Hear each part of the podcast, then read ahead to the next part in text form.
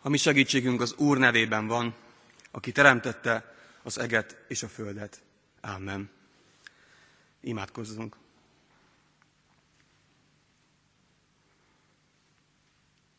Mennyei édes atyánk, a hála szavával szeretnénk eléd lépni legelőször, azért, mert a te tetteid nem pusztán történelmi események, nem a régmúltban történt dolgok, hanem a jelenben, a mi személyes életünkben is jelen valók.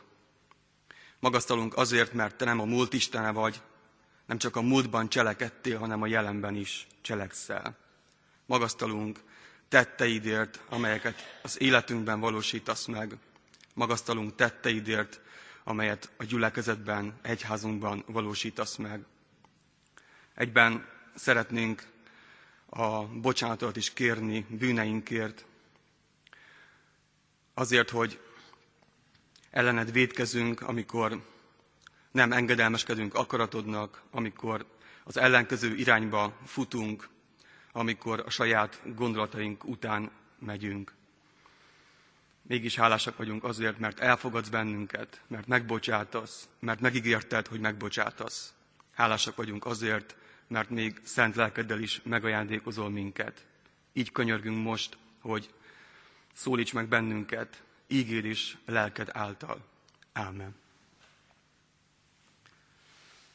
Testvéreim, hallgassátok meg Isten igéjét úgy, ahogy megszólít bennünket Lukács evangéliumából, Lukács evangéliuma 11-es részéből, a rész első 13 verséből.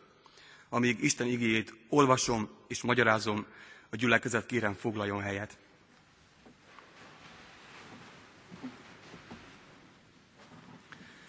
Így szól hozzánk Isten szava Lukács evangéliumából, Lukács evangéliuma 11-es részéből, a rész első 13 verséből. Történt egyszer, hogy valahol imádkozott, és mikor befejezte, így szólt hozzá egyik tanítványa.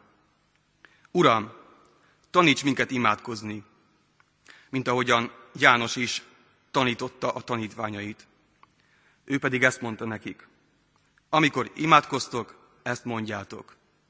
Atyánk, szenteltessék meg a te neved, jöjjön el a te országod. Ami mindennapi kenyerünket ad meg nékünk ma, és bocsásd meg a mi bűneinket, mert mi is megbocsátunk minden ellenünk védkezőnek. És ne vigy minket kísértésbe. Azután így szólt hozzájuk. Ki az közületek, akinek van egy barátja, és elmegy hozzá éjfélkor, és ezt mondja neki. Barátom, adj nekem kölcsön három kenyeret, mert útról érkezett egy barátom, és nincs mit elébe tegyek. És az így válaszolna belülről. Ne zaklas engem, az ajtó már be van zárva, és velem együtt gyermekeim is ágyban vannak. Nem kelhetek fel, hogy adjak neked. Mondom nektek, ha nem is kelne fel, és nem is adna neki azért, mert barátja, tolakodása miatt fel fog kelni, és megadja neki, amire szüksége van. Én is azt mondom nektek, kérjetek, és adatik, keressetek, és találtok, zörgessetek, és megnyitatik nektek. Mert mindaz, aki kér, kap, aki keres, talál, és aki zörget, annak megnyitatik. Melyik apa az közületek, aki fiának kígyót ad, amikor az halat kér? Vagy amikor tojást kér, skorpiót ad neki? Ha ti tehát gonosz létetekre tudtok gyermekeiteknek jó ajándékokat adni, mennyivel inkább ad mennyei atyátok szent lelket azoknak, akik kérik tőle.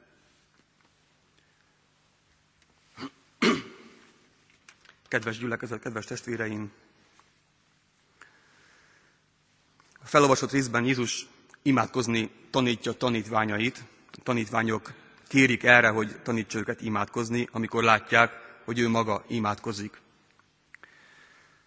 A rész elején annak a, a mi atyánknak, az úri imádságnak egy rövidebb formája található, amit a hegyi beszédben találunk meg teljes egészében, maga kerekségében.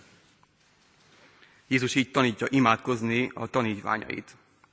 De aztán tovább is megy és magyaráz, magyarázza, hogy miért szükséges imádkozni, és miért van értelme az imádságnak. Különböző hasonlatokat használ arra, hogy megértsék a tanítványok, hogy amikor az ember imádkozik, akkor Isten hogyan hallgatja meg az imádságot. Egy barátnak, két barátnak a képét hozza példaként, aztán pedig az, egy apa és a gyermeke példáját. Minden alkalommal az adományozás, az ajándékozásnak a, az aktusa van a középpontban. Különböző hasonlatokkal magyarázza el Jézus, hogy amikor imádkozunk, akkor mi történik, hogyan ajándékoz, adományoz nekünk Isten a kérésünkre valamit, amire szükségünk van. Isten megadja, amire szükségünk van. Ez az első hasonlatnak a konklúziója. Aztán amikor másodszor az apa és a fiú képét és hasonlatát használja, akkor azt mondja, hogy mennyivel inkább ad Isten szent lelket azoknak, akik kérik.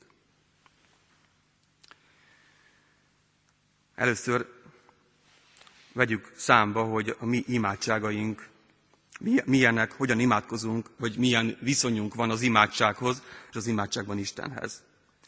Mit kérünk például? Arra számítanánk ennek az ige szakasznak a, az olvasása közben, hogy a konklúzió, a végkövetkeztetés az lesz, hogy Isten megadja azt, amit mi kérünk. Kérjetek és adatik, keresetek és találtok, zörgesetek és megnyitatik.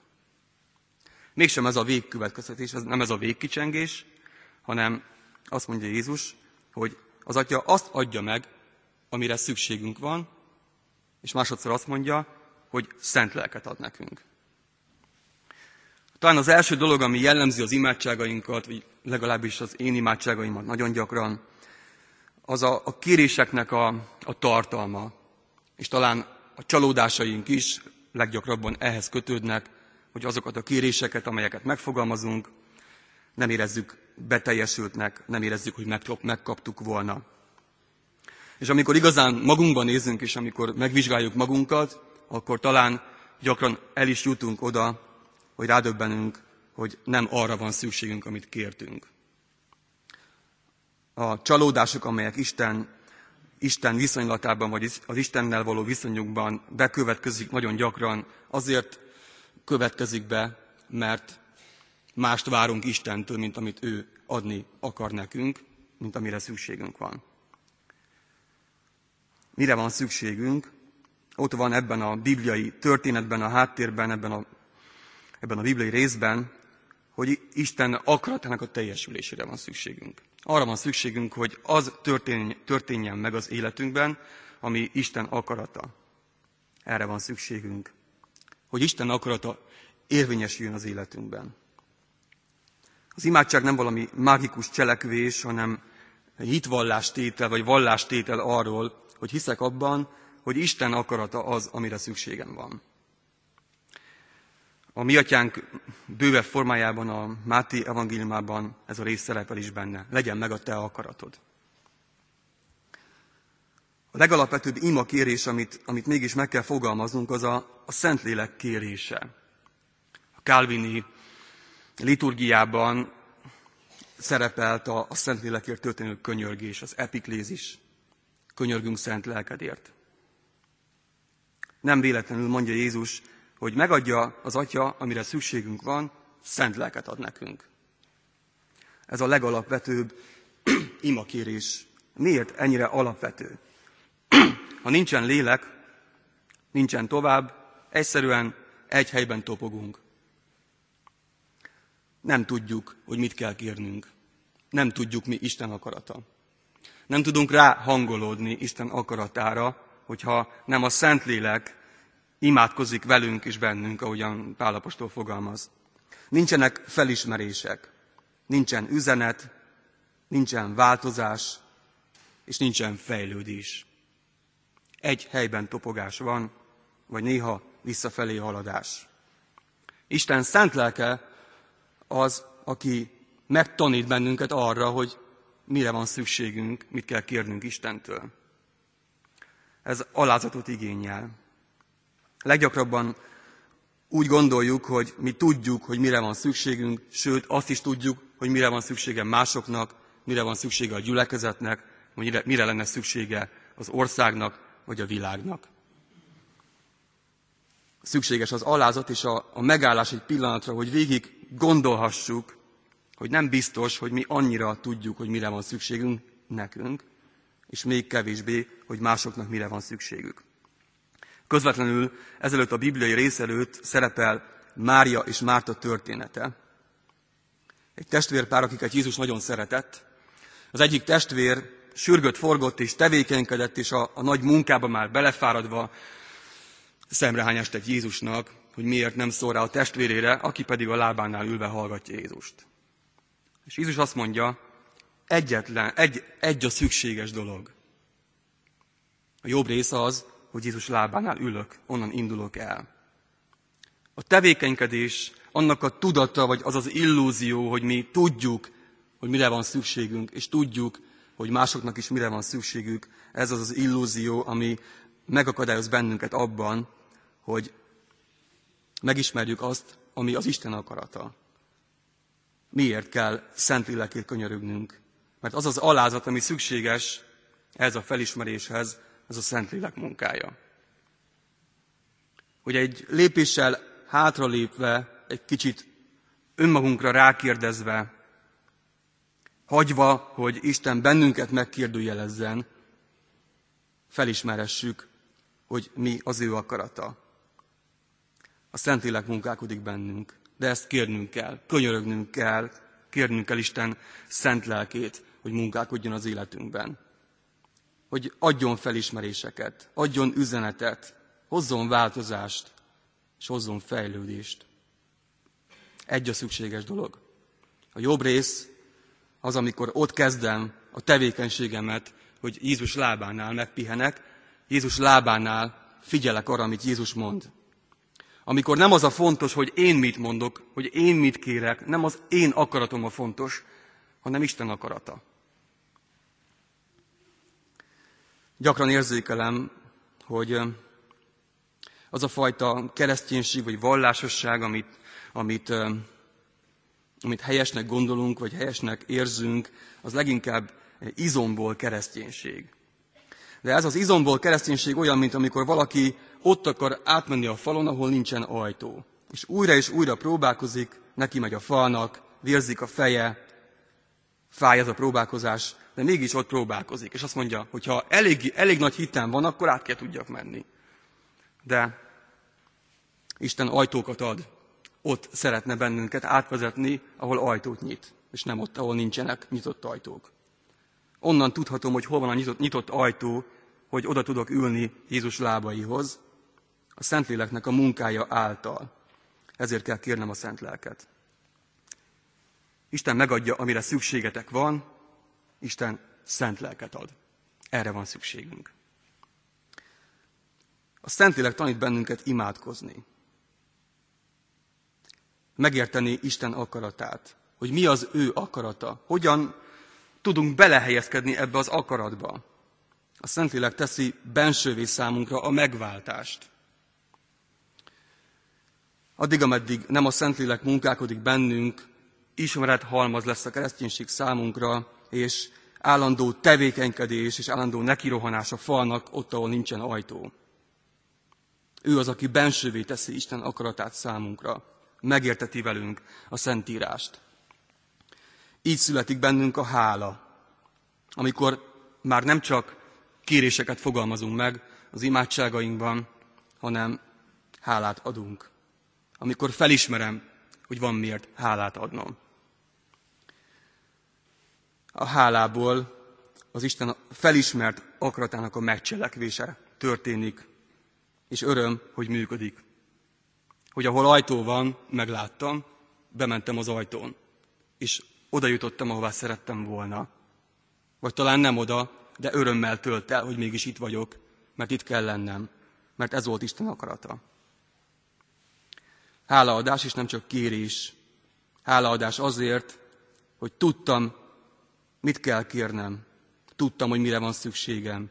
Öröm a fölött, hogy felismertem, mi az ő akarata. Legyen meg a te akaratod. Isten akaratát csak úgy ismerhetem meg, hogy a Szentlélek munkálkodik bennem, mert ő tanít imádkozni, ő az, aki velem, aki bennem imádkozik, mert ő az Isten lelke.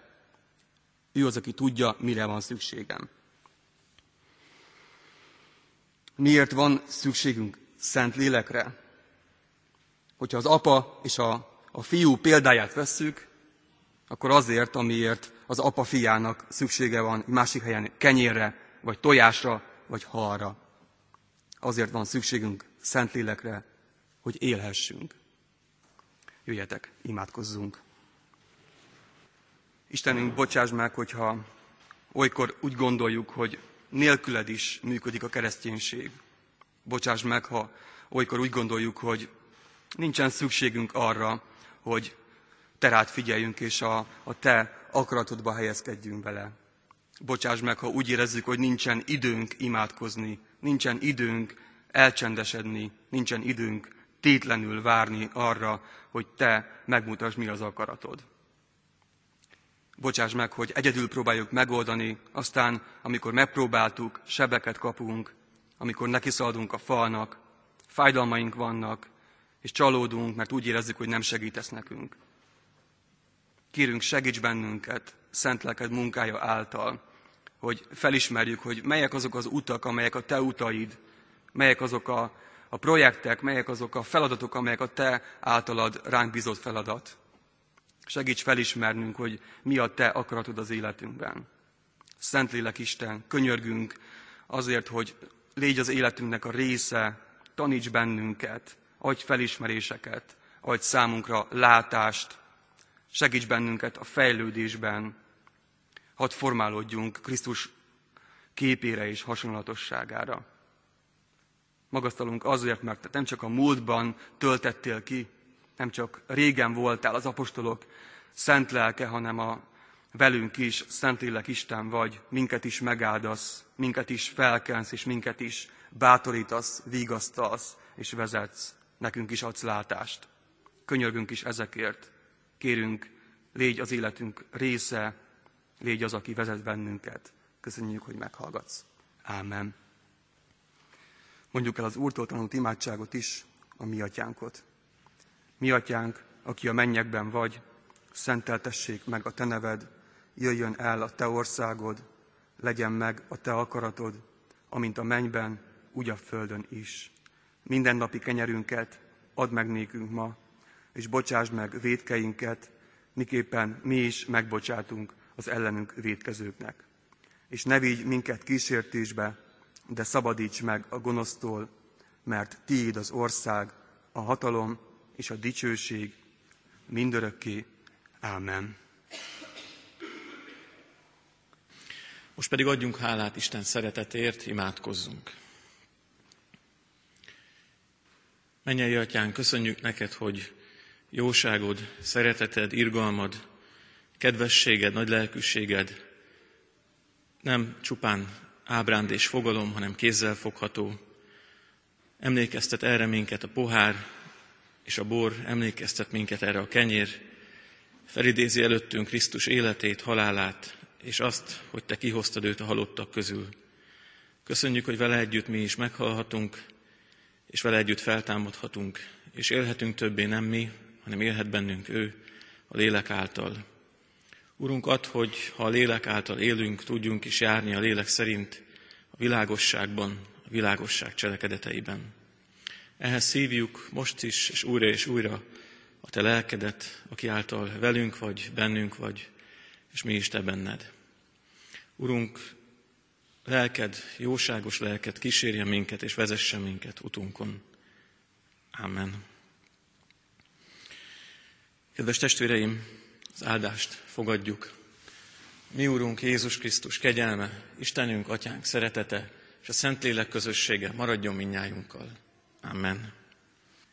Énekeljük záró énekünket, ha már megkezdett dicséretünket, a 373. dicséret 5., 6., 7. és 8. versét, tehát a 373. dicséret 5. versétől kezdődően az utolsó négy verset énekeljük, adj nékünk teljes örömet, idvességet hozó kegyelmet.